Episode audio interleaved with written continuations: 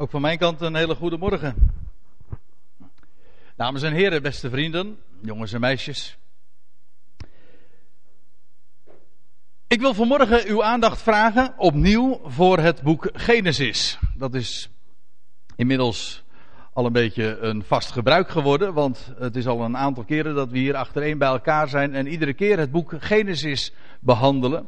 Dat is geen vaste prik, ook, uh, ook in de de eerstvolgende bijeenkomst zullen we van die gewoonte gaan afwijken. En eh, het liep zo. En een van de dingen die ik de laatste anderhalve maand naar voren heb gebracht over het boek Genesis, is dat het is geschreven door de aartsvaders zelf. En in het bijzonder, die eerste hoofdstukken van het boek Genesis zijn geschreven door Adam zelf. Het zijn Adams memoires, zou je kunnen zeggen.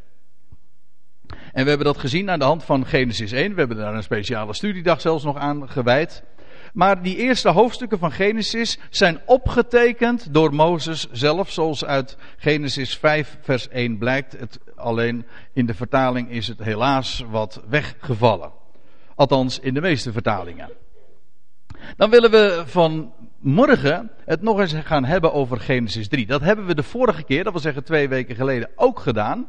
Maar toen hebben we vooral ingezoomd op dat onderwerp van de slang. Heeft de slang gesproken? En zo ja, nou ja, de slang heeft gesproken, want dat staat er gewoon. Maar wat betekent dat dan?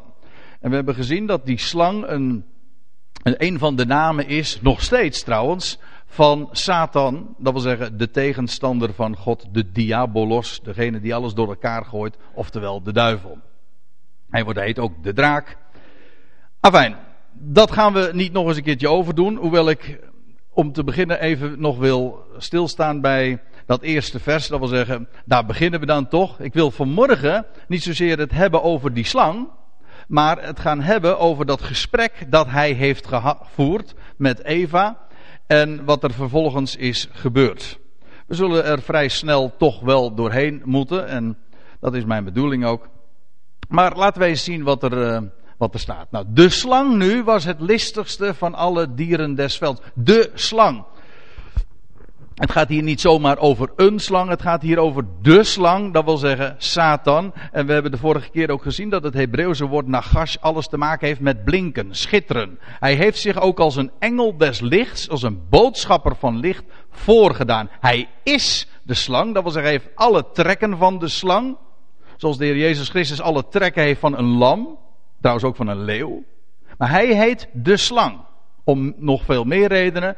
Maar goed, hij, over hem gaat het dus. De slang. Hij was nu de listigste van, of zoals de Statenvertaling zegt, mijn zin is iets veel correcter, listiger dan alle dieren. Eigenlijk staat er al het leven van het veld. Dat wil zeggen, hij was listiger dan wat daar zich ook in de hof bevond.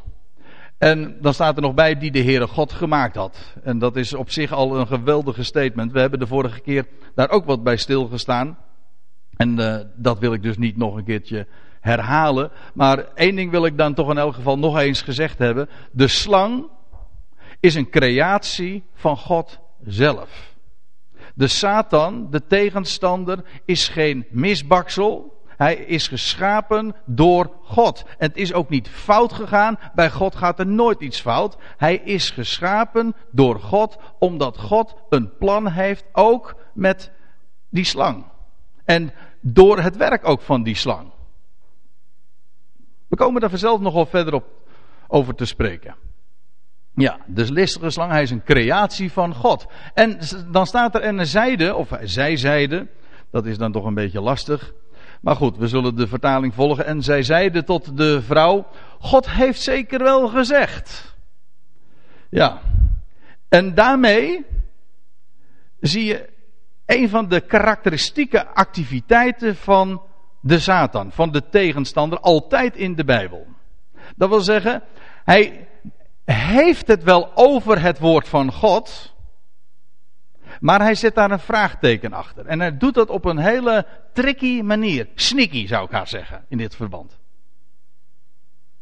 Want hij, ver, hij zaait verwarring daarover. Hij gaat vraagtekens zetten bij wat het woord van God uh, zegt. Wat God gesproken heeft. En dat is altijd weer het geval. Want later zou Satan zich ook gaan bemoeien met de Heer Jezus Christus aan het begin van zijn bediening. En dan, dan, dan bevindt Jezus zich niet in, in, in een tuin, maar in de wildernis.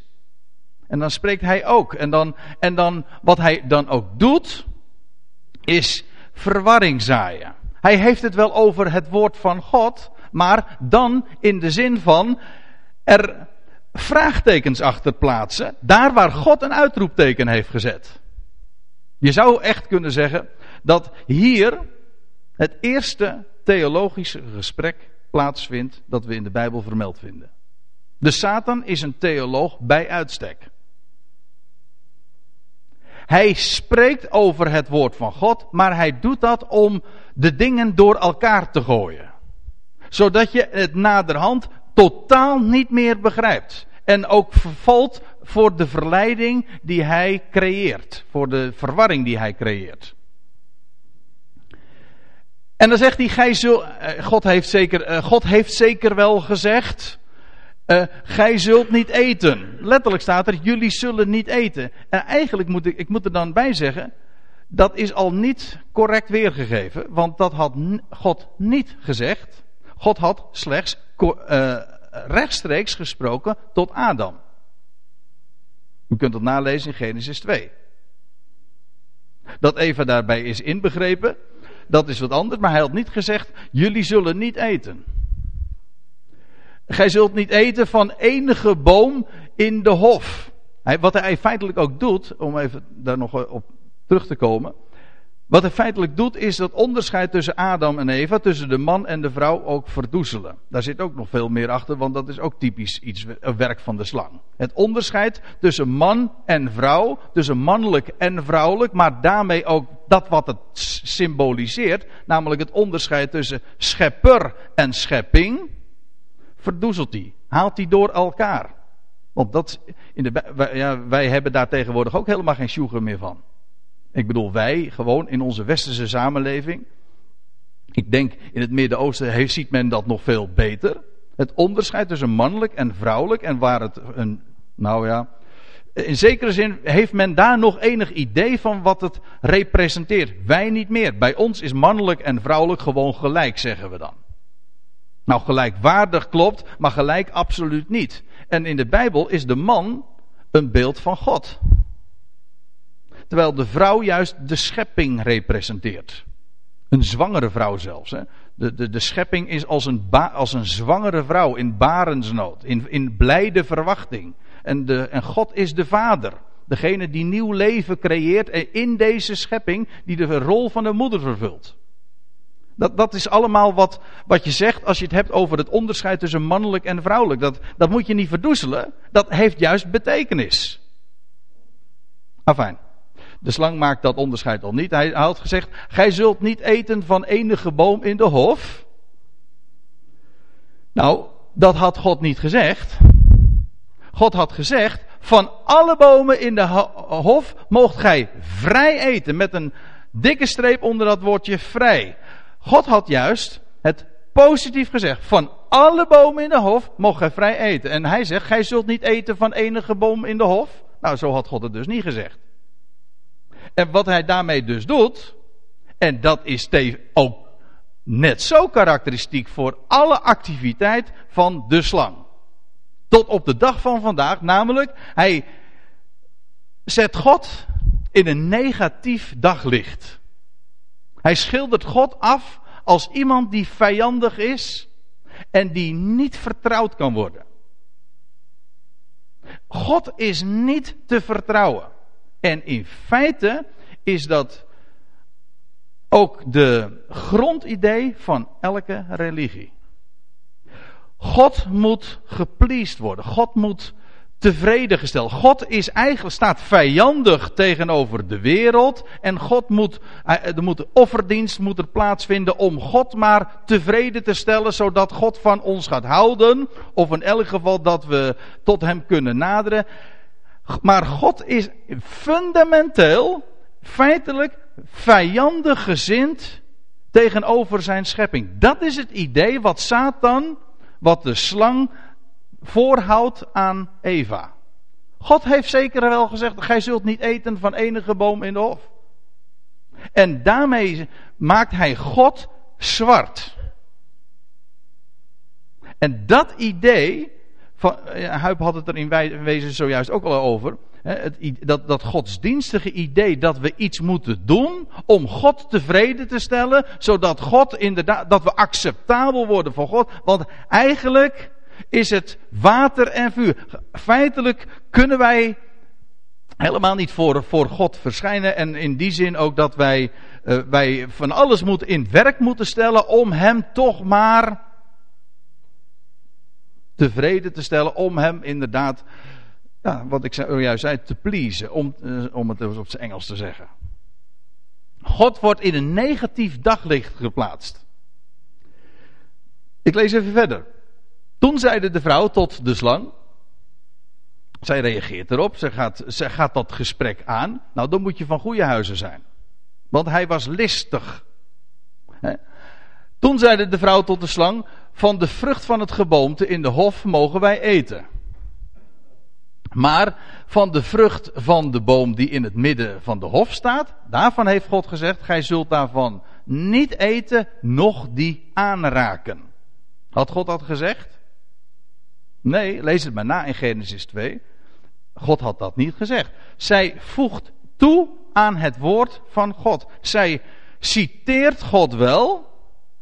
Zij geeft wel weer wat God gesproken heeft, maar ze doet dat niet correct. En ze voegt ook dingen toe aan het woord.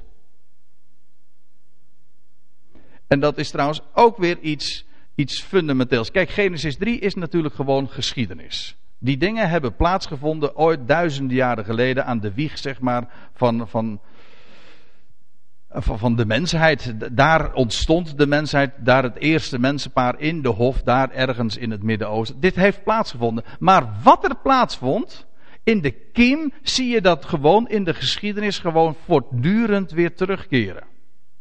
En dat is dat de mens weliswaar spreekt over het woord van God, er ook enigszins vertrouwd mee is, maar het niet begrijpt doordat het ook, uh, mede door de influisteringen, letterlijk en figuurlijk van de slang, toevoegt aan het woord van God. Dat was. Vele duizenden jaren later zou de Heer Jezus zeggen dat tegen, tegen de fariseeën en de schriftgeleerden, dat hij maakt het woord van God krachteloos door uw eigen overleveringen. Door dat wat mensen zelf bedacht hebben en toegevoegd hebben aan het woord van God. Feitelijk doet Eva dat hier ook. God had gezegd, gij zult daarvan niet eten. Zij zegt, ja, gij zult daarvan niet eten, nog die aanraken. Had God niet zo gezegd. Ze voegt toe aan het woord van God.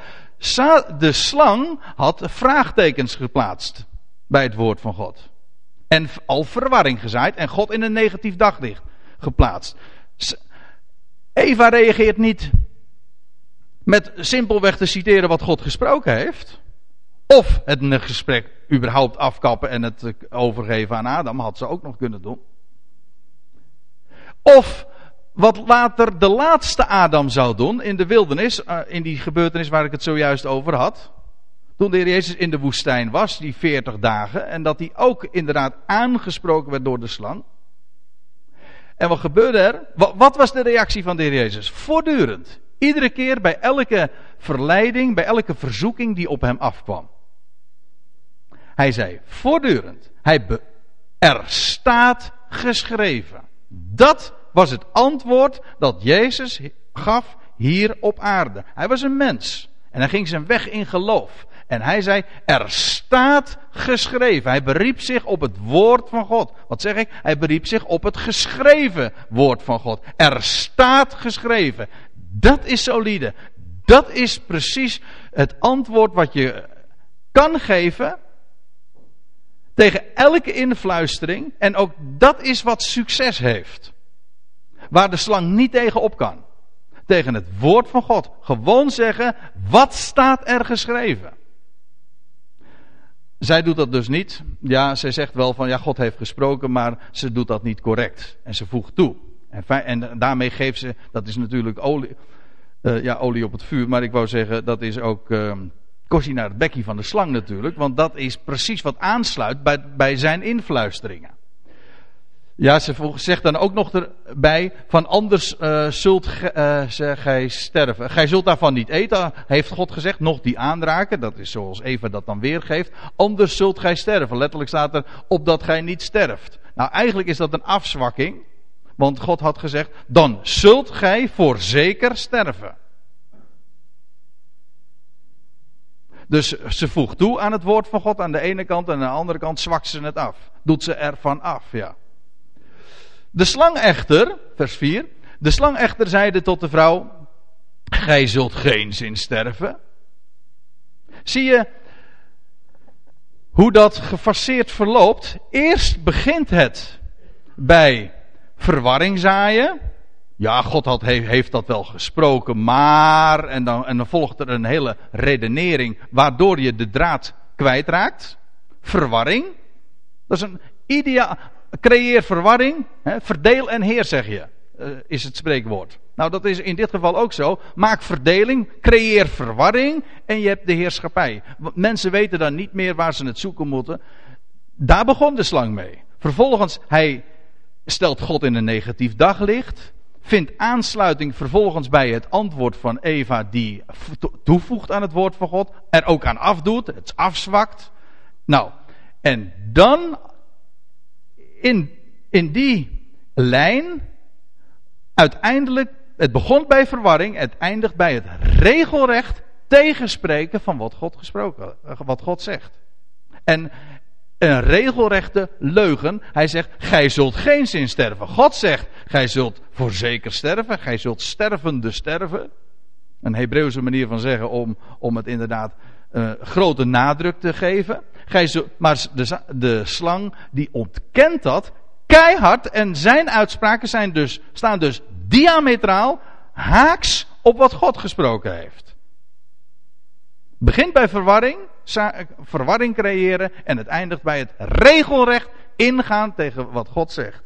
En deze leugen is van de slang is tot op de dag van vandaag, zoveel duizenden jaren later, inmiddels nog steeds karakteristiek, kenmerkend voor de slang.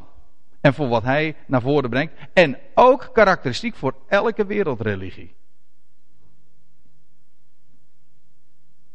Typerend voor de leugen van de slang, de ontkenning van de dood. De Bijbel ontkent de dood niet. Integendeel, het begint eigenlijk al in Genesis 2 dat, dat God daar meteen al mee aangeeft. Als een mens doodgaat, ja, dan leeft hij niet meer. Dan, gaat hij, dan leeft hij niet op een andere manier voort. Nee, dan is hij dood. En de Bijbelse verwachting gaat niet, is, is niet gericht op een. Uh, is geen um, ontkenning van de dood, van je leeft eigenlijk gewoon voort. Nee, het is een overwinning op de dood.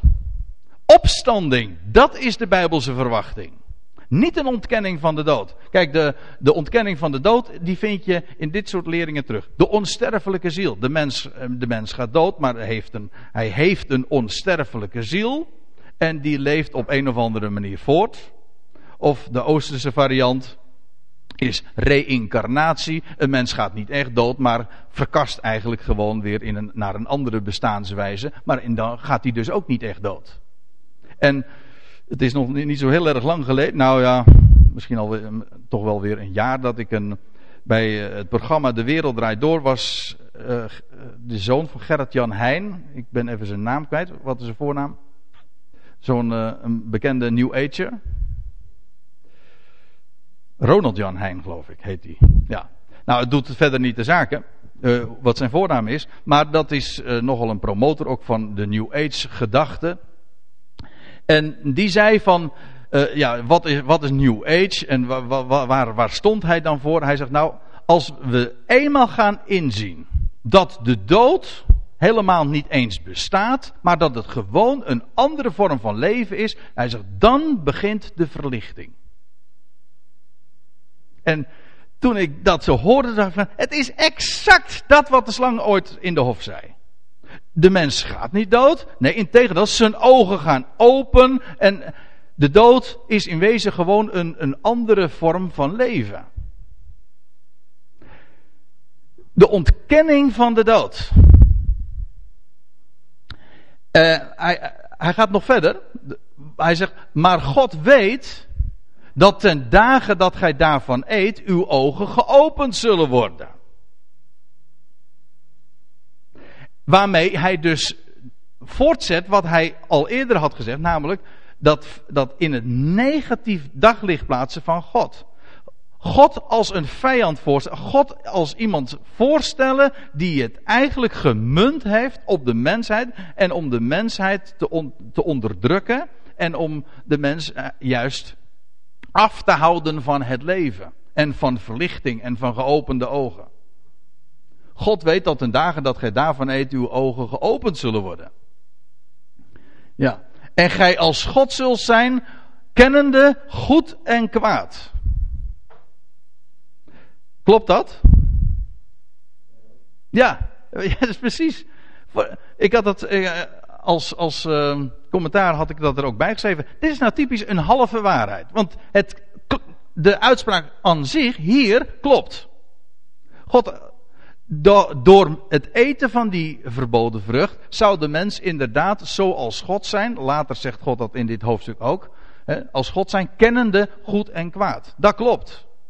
Alleen de hele context waarin de slang het hier plaatst, is het een leugen. U weet het, hè? een halve waarheid is een hele leugen. Is erger dan een hele leugen. Waarom? Omdat het eigenlijk nog veel gevaarlijker is. Er vindt aanknopingspunten. Zegt, hey, het klopt toch in ieder geval.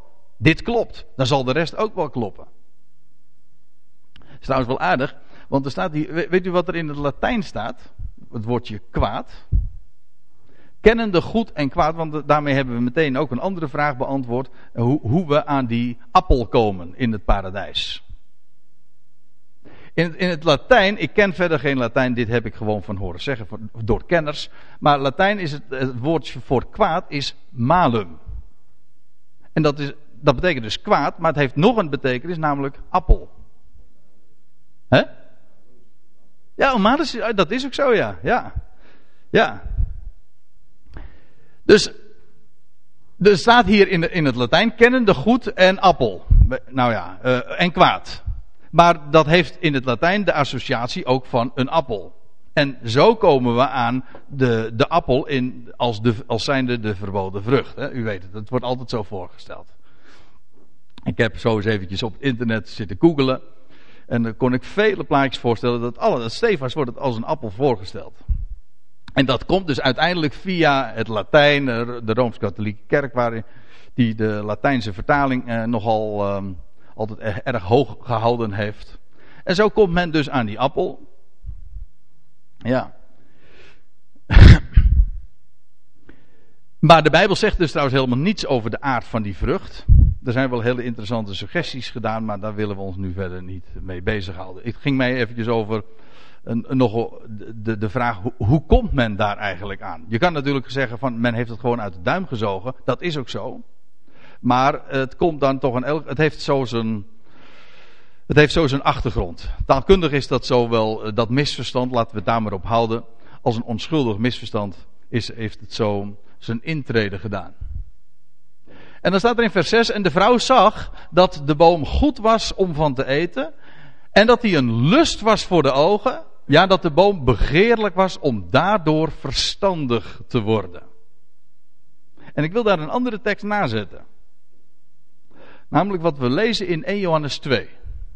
Daar wordt een, een samenvatting gegeven van de hele geest in, van deze wereld. Als zijnde tegenover dat wat van God is, staat. De, in 1 Johannes 2 vers 16, daar lees je, daar zegt Johannes, want al wat in de wereld is, en dan noemt hij drie dingen. De begeerte des vleeses, dus de begeerte van het vlees, dat wat het lichaam, het vlees begeert. De begeerte van de ogen, dat wat de ogen graag zien. En een hoogvaardig, een hoogmoedig leven, dat is niets, schrijft Johannes, dat is niet uit de Vader, maar uit de wereld. De wereld hier dus gezien als een systeem die tegenover eh, God zich stelt. En die drie kenmerken vind je in Genesis 3 zo terug. Ga maar na. En de vrouw zag dat de boom goed was om van te eten. Dat is de begeerte van het vlees. En dat hij een lust was voor de ogen. Dat is de begeerte der ogen. Ja, dat de boom begeerlijk was om daardoor verstandig te worden en als God te zijn. Wat God juist probeerde te verhinderen. Maar zij zou dan inderdaad, uh, de ogen zouden geopend worden en ze zou als God zijn. Dat is precies wat Johannes noemt later in zijn brief een hoogvaardig, een hoogmoedig leven. Als God willen zijn, zoals de slang dat ook aan, God, aan, aan Eva's voorspiegelt. Een hoog, hoogvaardig leven.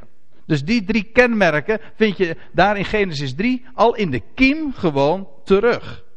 Er is niks mis met de begeerte van het vlees. Mijn broer heeft de vorige keer daar nog wat uh, over, bij de inleiding wat over verteld. Begeerte is niks mis mee. De begeerte van het lichaam niet. God heeft ons zo gemaakt. Hij heeft ons gemaakt met, met lichaamssensaties. Zo heeft, hij is onze schepper. Dat geldt voor de begeerte van de ogen ook. Dingen zijn mooi. Eva zag het, hij was een lust voor de ogen. Was dat verkeerd? Nee, helemaal niet. Maar in combinatie met, en vooral als, je dat, als dat de leiding gaat geven in je leven, met de lust hè, en met uh, de begeerte van het, van het vlees, is niets mis, maar het heeft leiding nodig. Wij wandelen, zegt, eh, zegt de apostel Paulus, wij wandelen niet naar het vlees, dat wil zeggen, het vlees, vlees is niet verkeerd, maar het zou niet de leiding hebben in ons leven. We zouden juist leven naar de geest. En zo het lichaam en de begeerte en de lust ook onder controle hebben. Dat heet zelfbeheersing. Het heeft leiding nodig.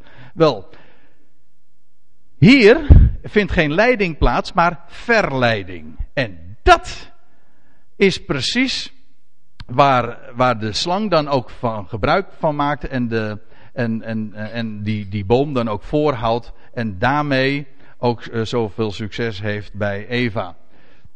Ik, uh, ik, kom nog eventjes terug op wat, wat ik zojuist al, uh, al had genoemd, namelijk dat, dat de Heer Jezus later, later ook door, door de slang, door Satan, wordt ver, verzocht in de woestijn. En dan vind je ook die drie kenmerken waar we het zojuist over hadden ook weer terug. Dan wordt er eerst gesproken over dat hij, hij is 40 dagen dan in de woestijn en dat hij uh, stenen in brood zou veranderen. Dat was heel verleidelijk. Waarom? Want hij had honger. De begeerte van het vlees. Maar wat antwoordde de Heer Jezus? Er staat geschreven. Een mens zal van brood alleen niet leven, maar bij, van alle woord dat uit de mond Gods uitgaat. Dat was het antwoord. En daarmee was ook Satan ge, uh, had hij antwoord gekregen, eh, werkelijk antwoord gekregen en moest hij inderdaad aflaten. Nou ja, hij kwam weer met een nieuwe verzoeking, maar, maar Jezus sprak, er staat geschreven. Maar goed, de begeerte van het vlees. Dan, dan lees je, dat is trouwens de derde verzoeking, dat hij hem toonde al de koninkrijken en hun heerlijkheid. Op een hoge berg gezeten en wellicht visionair heeft, heeft de, de slang, de Satan, dat aan Jezus zo voorgespiegeld. Al de koninkrijken van de aarde en hun heerlijkheid. Dat is de begeerte der ogen. En dan lees je dat hij, uh, dat is de tweede verzoeking, dat hij ook, dat, dat de Heer Jezus verzocht wordt, met recht, om van dat, dat, dat tempeldak, eh, dat gigantische, die gigantische hoogte af te springen. En dan, en dan gaat Satan zelfs ook spreken van, ja staat toch geschreven, de, de, hij zal uw engelen gebieden u te dragen. En weet je wat, en als Satan de schrift gaat citeren, moet je helemaal uitkijken. Weet je wat Jezus dan antwoordt? Er staat ook geschreven, gij zult de Heer uw God niet verzoeken. Feitelijk was dit ook een, ehm, een appel op de hoogmoed. Dat, de men, dat, dat Jezus zichzelf eens zou demonstreren. Zichzelf zou demonstreren als iemand die de engelen zou kunnen, kunnen laten gebieden. Een hoogvaardig leven. Die drie verleidingen, die, die drie karakteristieke dingen van deze kosmos, van deze wereld, die vervreemd is van God, die vind je dus iedere keer weer terug. Die vind je terug in Genesis 3. Maar het is, het is Jezus, de laatste Adam, die de laatste Adam zou worden, zou ik, als ik het heel correct uh, wil, wil zeggen. Hij die de laatste Adam zou worden, hij gaf, hij leefde bij het woord. En hij zei, er staat geschreven. En dat is de basis. Dat geeft solide ondergrond onder je, eh, onder je leven. Daarmee kun je verder. Daarmee kun je ook werkelijk de listen van de slang weerstaan.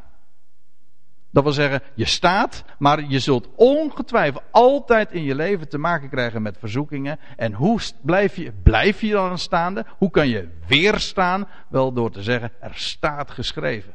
Dat geeft kracht. En ondergrond. Ik ga even verder. Genesis 3 dus. En uh, zij nam van zijn vrucht en at. En zij gaf ook haar man die bij haar was en hij at. Eigenaardig hè, zoals dat, er staat. Later zegt Paulus in 1 Timotheus, en daar is vaak overheen gelezen, maar ik wil u er toch graag eens op wijzen. Daar staat, Adam heeft zich niet laten verleiden. Maar de vrouw is door verleiding in overtreding gevallen. De hele context doet nu even wat minder te zaken. Ik wijs even specifiek op deze statement. Ook als, als commentaar op wat hier staat in Genesis 3, vers 6. Adam heeft zich niet laten verleiden. Hij heeft zich niet laten verleiden door de slang. Dat deed Eva wel. Hij heeft zich ook niet laten verleiden door, door zijn vrouw. Hij nam gewoon. Hij heeft zich niet laten verleiden. En, maar als, als Adam zich niet heeft laten verleiden, wat dat betekent dat? Dat hij dus bewust gekozen heeft.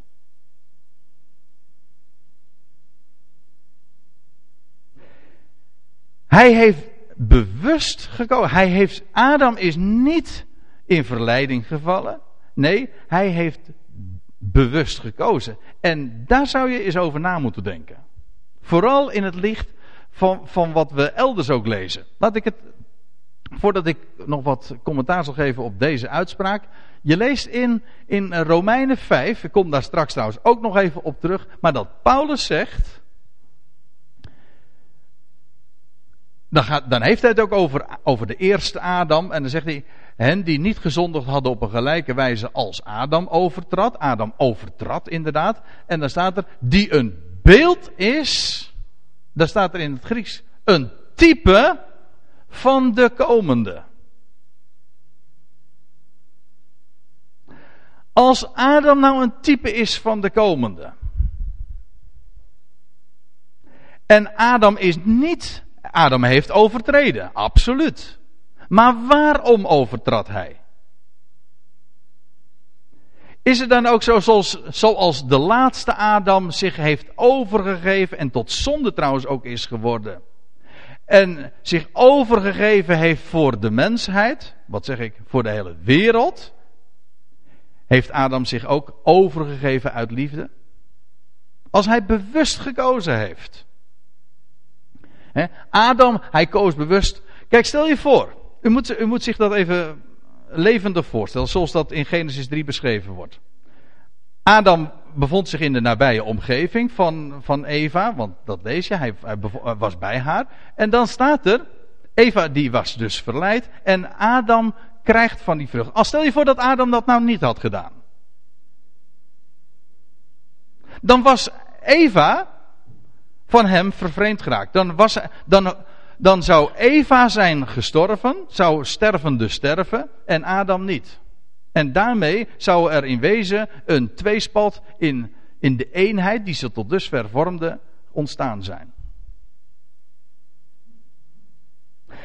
Als Adam bewust gekozen heeft, dan heeft hij gekozen voor zijn vrouw. Ook al overtrad hij daarmee het gebod van God. En alle ellende die dat tot zijn gevolg heeft gehad. Je zou zelfs nog iets anders kunnen zeggen.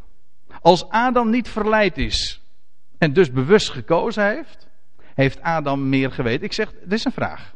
Maar ik geef het gewoon ter overweging. Heeft Adam meer geweten? Zou Adam juist hebben geweten dat juist door het, over, door het eten van de verboden vrucht, dat, ze werkelijk, dat de mensheid werkelijk het goede zou leren kennen. En in elk geval, Adam bewees door te nemen van die vrucht zijn liefde voor zijn vrouw. En dan als type van, hè, van de laatste Adam, die, dat was inderdaad van, een daad van rechtvaardigheid. Dat is waar. Maar ook hij gaf zich uit liefde voor zijn schepping, voor de mensheid. Het was liefde die hem daartoe bewoog. In elk geval, en dat wil ik onderstrepen, Adam heeft zich niet laten verleiden. En juist daarin is hij ook een beeld van, ook daarin is hij een beeld van de komende. Ik wil even verder lezen. In vers 7.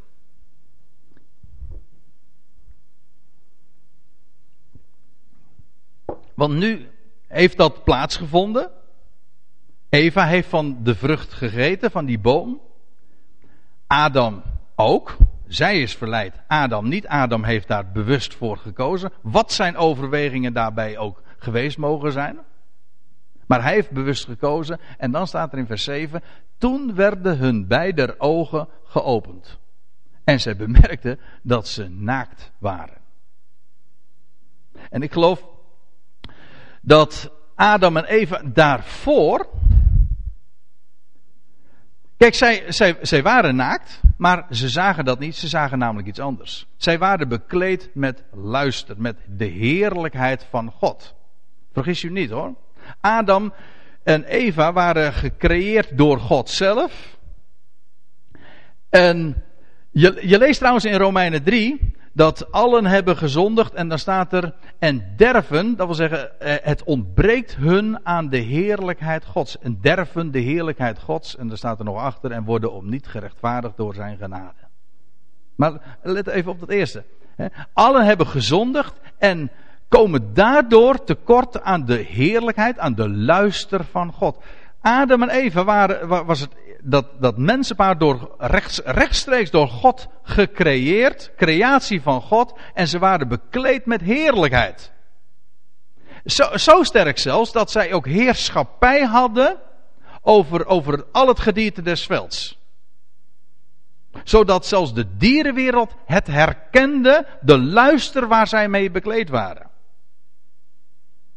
Was het lichtglans waar ze mee bekleed waren? Zoals uh, zoals je dat leest van Mozes, wiens gelaat straalde toen hij van de berg kwam en, en eh, in de tegenwoordigheid van God had uh, was geweest.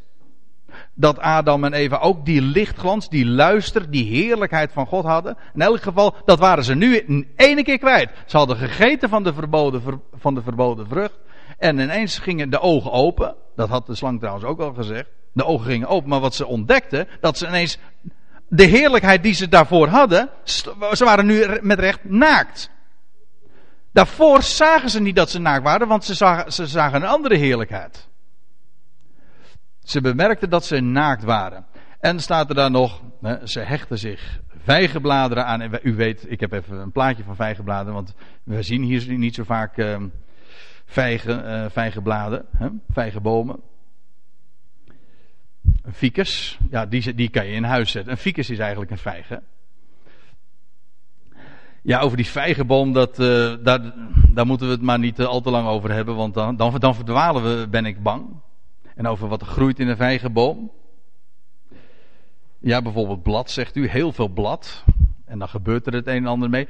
Uh, de, het zal u verbazen, maar inderdaad, in een vijgenboom, aan een vijgenboom groeien vijgen. Maar je zou kunnen verdedigen dat er ook tollenaren aangroeien. Ja, van Zacchaeus lees je dat hij in die vijgenboom eh, kroop. Hij verborg zich daar. Die verborg zich ook al in de vijgen, in het vijgenblad. Maar die, wist, maar die werd toen ook geroepen. Hij werd ook gevonden. Eh, eh, gezocht en gevonden. Adam, waar ben je? Zou God gaan zeggen. Daar komen we zo over te spreken. Maar uh, dat was in die vijgenboom ook al het geval. Zacchaeus, u kent de geschiedenis, hè, dat hij kruipt in die vijgenboom en die verborgt zich daar ook.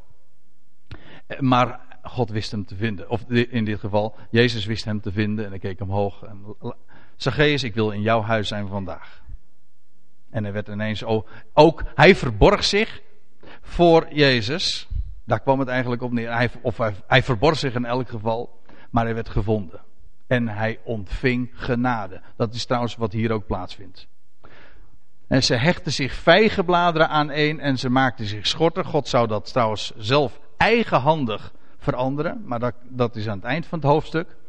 En dan staat er in vers 8. En toen zij het geluid van de Heere God hoorden, die in de hof wandelde, in de avondkoelte, verborgen de mens en zijn vrouw zich voor de Heere God. Tussen het geboomte in de hof. Eigenlijk staat er in het midden.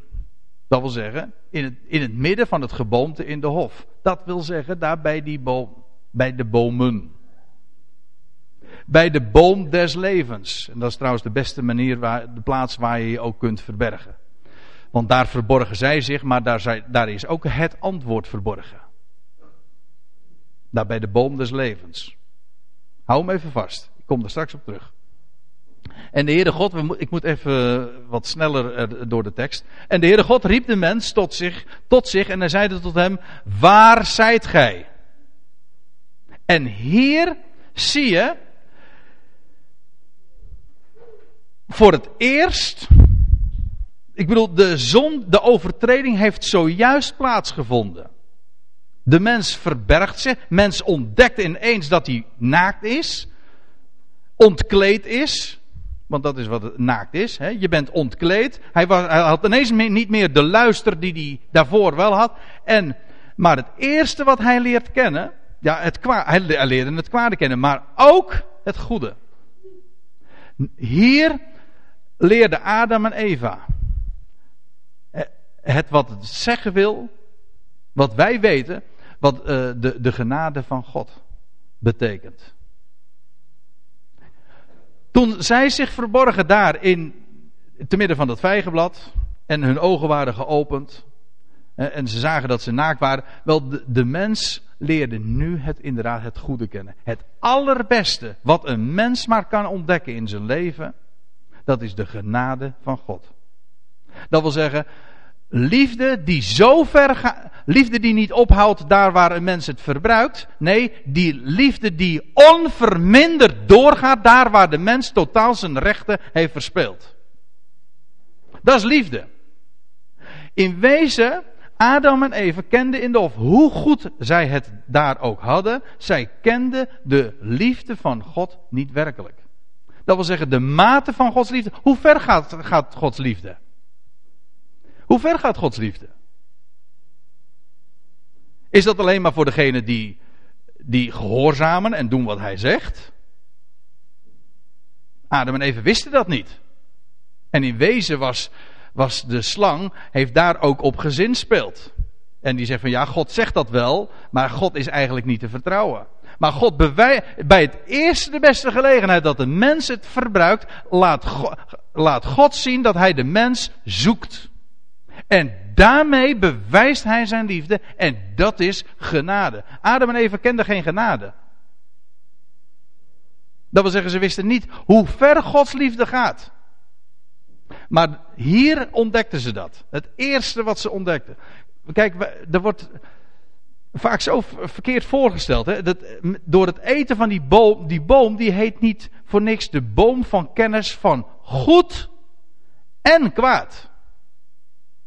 Let, let erop dat die boom zelfs primair het goede, de, de kennis van het goede vertegenwoordigt. Het is de boom van kennis van goed en kwaad. De mens leert inderdaad door het eten van die verboden vrucht het kwade kennen, dat is waar. Maar juist in combinatie met het goede. De mens leert ook het goede pas werkelijk kennen door het eten van die verboden vrucht. En Adam en Eva ondervonden dat hier bij de eerste de beste gelegenheid, toen God hen opzocht. En de Heere God riep de mens tot zich. Adam, waar ben je? En hij zeide, toen ik uw geluid in de hof hoorde, werd ik bevreesd, want ik ben naakt. En daarom verborg ik mij.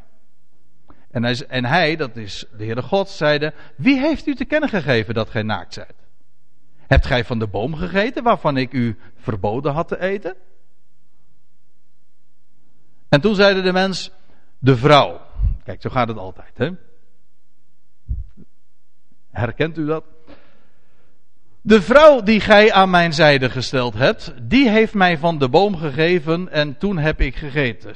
Loog Adam hiermee? Nee. Steekt genomen, het was waar. Adam overtrad, dat is waar. Adam overtrad. Maar Adam uh, loog op zich niet met deze uitspraak. Maar uh, wat je dus in deze verse ziet, in wezen, een, het, het systeem, er vindt een afschuiving plaats. Hè? Adam zegt van de vrouw en dan zegt Eva weer van ja, dat is de slang geweest. De schuld wordt afgeschoven. Toen zeiden de mensen, de vrouw die gij aan mijn zijde gesteld hebt, die, hij, die heeft mij van de boom gegeven en toen heb ik gegeten. en daarop zeide de Heere God tot de vrouw, wat hebt gij daar gedaan? En de vrouw zeide, de slang heeft mij verleid en toen heb ik gegeten. In wezen doet de slang, doet Eva hier exact hetzelfde als wat Adam ook deed. Namelijk, ja, sorry, daar komt het eigenlijk op neer. Het was niet ik, maar het was in dit geval de slang. Ja. Nou, dan krijg je die verse waar we het de vorige keer over gehad hebben, dat God de slang gaat aanspreken en daarmee ook de eerste gigantische belofte aan de mensheid geeft. De moederbelofte heet dat. Dat, het, dat er uit de vrouw ooit iemand zou voortkomen, het zaad der vrouw wordt dat genoemd, die de overwinning op de slang zou behalen. U, u, kent Genesis 3, vers 15. Ik, heb ik, ik, laat het nu eventjes voor wat het is. En dan passeren we passeren dat. Maar ik noem het toch even. En ik roep het in uw herinnering nog even op. God geeft dan via de. Of door middel van het aanspreken van de slang geeft hij een belofte aan de mensheid. Hij zegt, ik zal vijandschap zetten tussen u en de, tussen u en de vrouw, tussen uw zaad en haar zaad. Dit zal u de. Uh, dit, zal, ja, dit zal u de kop vermorselen en gij zult het de hiel vermorselen. Dat wil zeggen, het zaad van de vrouw zou dodelijk getroffen worden in de hiel, maar op diezelfde plaats zou juist de ondergang van de slang worden ingeluid. En we hebben daar de vorige keer op, uh, zijn we daar uh, op, wat op, op doorgegaan. En ik heb u laten zien dat het zaad van de vrouw uiteraard niemand minder is dan de Messias. De Mashiach. Hij die zou komen, geboren uit een vrouw. En die inderdaad dodelijk getroffen werd. Maar juist ter plaatse waar hij getroffen werd, daar aan het kruis van Golgotha, waar de slang schijnbaar de overwinning behaalde, dat was in werkelijkheid zijn nederlaag. Want ter plaatse waar hij gekruisigd werd, daar was een graf. En daar werd hij ingelegd. En drie dagen later overwon hij de dood. Hem die de macht van de dood heeft. En overwon hij hem. En daarmee is, eh, ja, daarmee geef ik de vervulling aan van wat er in Genesis 3 vers, 14, eh, vers 15 staat. Namelijk wat we hier afgebeeld zien. En wat je in Genesis 3 vers 15 dus zo leest. Ik sla dus een aantal versen over. En dan lees je in vers 21 nog. Want ik, nou zijn we bij het slot van het hoofdstuk ongeveer gekomen. En de Heere God maakte voor de mens en voor zijn vrouw, voor Adam dus en zijn vrouw. Zo, dat is de consequent de manier waarop er in deze hoofdstukken over gesproken wordt. En de Heere God maakte voor de mens en voor zijn vrouw klederen van vellen en bekleedde hen daarmee. Wat had de mens gedaan? Die had zich vijgenbladeren gemaakt. Hm? Maar wat doet God? God maakt voor de mens en voor zijn vrouw klederen van vellen. Dat wil zeggen van dieren. Wat er gebeurt, er worden dieren geslacht. De eerste offers die gebracht worden, de eerste dieren die geslacht worden, ten behoeve van de mens, doet God zelf. En hij bekleedde hen daarmee. Feitelijk is dit een schitterend plaatje van de hele offerdienst en waar dat weer een beeld van is. De essentie van de offerdienst is bedekking. Hè? Het woordje bedekken in het Hebreeuws als kafar. Hè? Of ja, denk aan het woordje Yom Kippur, hè? Eh, de dag van de bedekking. De, het wordt dan vertaald met verzoening, maar dat is een heel lastig woord. Want eigenlijk dat is helemaal geen verzoening, het is bedekking. En daarmee ook bescherming.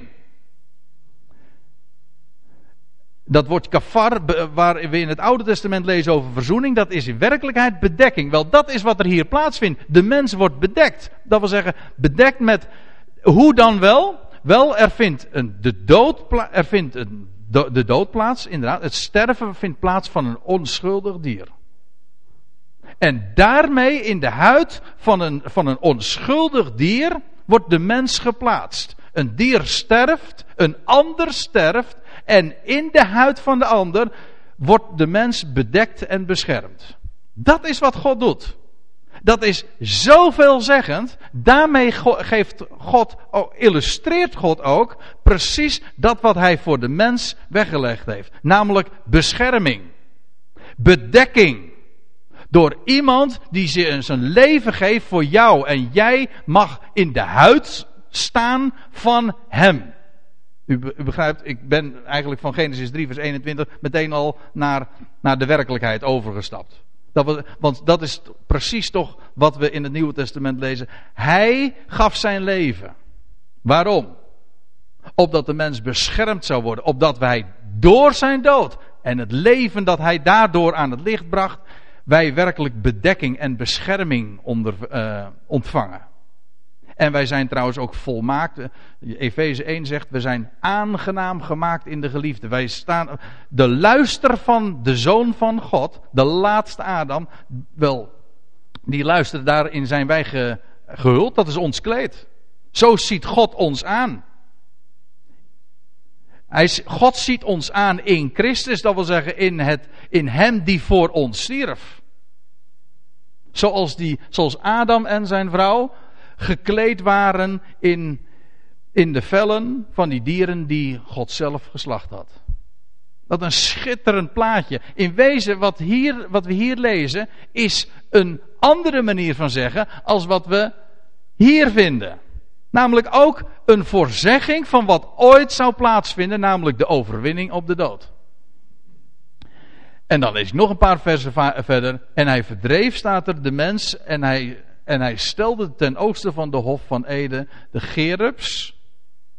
Ik ga er even aan voorbij. En met, met een flikkerend zwaard dat zich heen en weer wendde. Om de weg tot de boom des levens te bewaken. Nou, waar we het zojuist over hadden. Namelijk dat Genesis 3 verwijst naar, de, naar het zaad van de vrouw die zou komen, die de overwinning op de dood zou behalen. Ik zal u vertellen, dat zie je hier ook. Want weet u, dit, dat, dat geboomte des levens komen we in het Nieuwe Testament ook weer tegen. Bijvoorbeeld in het boek Openbaring. En weet u wat we dan lezen? Dit, ja, dus, het Griekse woord en, eh, en letterlijk staat er het hout des levens. Maar weet u wat nou zo mooi is? Dit woord voor hout, hè, wat dus de weergave is van, van de boom, dat vinden we elders ook in het Nieuwe Testament. Bijvoorbeeld in Handelingen 5. Daar staat in Handelingen 5, vers 30, de God, zegt Petrus, de God van onze vaderen heeft Jezus opgewekt. En nou, Petrus spreekt hier tot zijn volksgenoten, de Israëlieten. God, de God van onze vaderen heeft Jezus opgewekt, die gij hebt gehangen aan een hout en omgebracht. En nou, waar ik u nu op wil wijzen is, dit woord, hè, dat woord hout, dat is hetzelfde als het woord wat hier voorkomt in Genesis 3, vers 24. Het geboomte des levens. Hier wordt het weergegeven met het hout. Het hout waar de mens Jezus aan hing. Wel, dat is juist de basis of, nou laat ik het anders zeggen. Dat is het kanaal waardoor God juist het leven geeft. Zoals we hier trouwens ook heel duidelijk lezen. De God van onze vader heeft Jezus opgewekt. Die gij hebt gehangen aan een hout en omgebracht. Want juist door te sterven kon hij opgewekt worden. En opstaan uit de doden. Nou, dat is de blijde boodschap. Waar ik dus op wil wijzen is die, die, die bo dat geboomte des levens. Hoe letterlijk dat ook is. En hoe letterlijk het trouwens straks ook weer zal worden. Ook in het Messiaanse Rijk. Want dan lees je ook weer over bomen des levens. die tot genezing van de volkeren zullen zijn. Daar gaan we het nu verder niet over hebben, maar waar het een beeld van is, een illustratie, wel het verwijst inderdaad naar het hout. Naar het vervloekhout, maar waardoor juist leven wordt voortgebracht. Onvergankelijk leven. Ja, en dan lees ik tenslotte nog vers 24. Om de weg tot de boom des levens, die moest worden bewaakt. Maar weet u wat er in het Hebreeuws eigenlijk, wat er eigenlijk staat? Bewaren. En die vind ik, dat is zoveel mooier en zoveel beter ook. Om de weg tot de boom des levens te bewaren. Het was niet zo dat God zegt van daar heb je helemaal, daar met die boom des levens, die, doe ik er niet. Nee, die, die boom des levens en de weg daar naartoe, die moet bewaard worden. Die reserveert God voor een later tijdstip. Namelijk, en verwijst in feite ook door het gebruik van dit woord naar het zaad van de vrouw. Dan zou het geboomte des levens inderdaad werkelijk zijn, zijn waarde gaan bewijzen. God bewaart de weg tot het leven. Het verwijst naar de laatste Adam. Nou, en dan wees ik tenslotte, want ik had deze, deze toespraak, deze presentatie, had ik de titel meegegeven door één overtreding. En daarmee wil ik dan toch echt afsluiten. Wat we lezen in Romeinen 5. We lezen in Genesis, Genesis 3 over die ene overtreding die Adam heeft begaan. En waardoor de mensheid, uh, ja, waar de mensheid, zo kan ik het zeggen, want het waren er toen nog maar twee, verdreven werd uit de hof. En waardoor de mens uh, onder de vloek terecht kwam. Dat is waar. Maar dan moet je lezen wat er staat. Het, tegenbeeld. De laatste Adam. Derhalve gelijk het door één daad van overtreding. Door alle mensen. Dat moet zijn voor alle mensen. Ja, dat eh, heb ik verkeerd uh, weergegeven. Daar staat derhalve gelijk het door één daad van overtreding voor alle mensen tot veroordeling gekomen is. Zo komt het ook door één daad van gerechtigheid voor alle mensen tot rechtvaardiging van leven. Kijk, we hebben ons nu vanmorgen bezig gehouden met Genesis 3. Die ene daad van overtreding. Maar vergis u niet, dat is, dat is zo ja, catastrofaal geweest. Daardoor heeft de mens het kwade leren kennen. Dat is waar. We, zitten nu, we plukken nu nog steeds, leuk woordgebruik in dit verband, we plukken nog steeds de vruchten daarvan. Elke dag. We zijn stervelingen. En we zijn zondaren. Ja, het is voor alle mensen tot veroordeling gekomen. En bijna niemand weet wat, wat het laatste wil zeggen. En we willen het niet geloven. Maar de Bijbel zegt het zo duidelijk. En dat is nou precies wat het evangelie tot evangelie maakt. Dat zo letterlijk als die ene overtreding daar was. En zo letterlijk als alle mensen daarin betrokken zijn geraakt. Ook al hebben we er helemaal niet om gevraagd. Nee, maar uh, vergis u niet. Het verhaal heeft. Dat is nog maar de, de helft van het verhaal. Het gaat natuurlijk om de laatste Adam. Over het zaad van de vrouw. En dan geldt door één daad van gerechtigheid. En dan verwijs ik weer naar dat, naar dat hout. Naar dat geboomte. Weet u wel? Wel, door één daad van gerechtigheid voor alle mensen tot rechtvaardiging van leven. Dus een volmaakte parallel, Ik, ik, heb het eventjes, uh, ik heb het even naast elkaar gezegd. Maar je ziet gewoon dat al die zinsdelen uh, zo naast elkaar te plaatsen zijn. Ik heb het ook nog even aangegeven door de kleur. Derhalve gelijk het. Door één daad van overtreding voor alle mensen tot veroordeling gekomen is. Zo komt het ook. Door één daad. Van gerechtigheid. Voor alle mensen. Tot rechtvaardiging ten leven. Een volmaakte parallel. En daar is. En daarmee is zo kernachtig, zwart op wit, weergegeven wat het evangelie is. De laatste Adam brengt het leven aan het licht. En die vruchten zullen ieder in zijn eigen rang worden, dat is waar. Maar die vruchten zullen geplukt worden door heel de mensheid. Amen.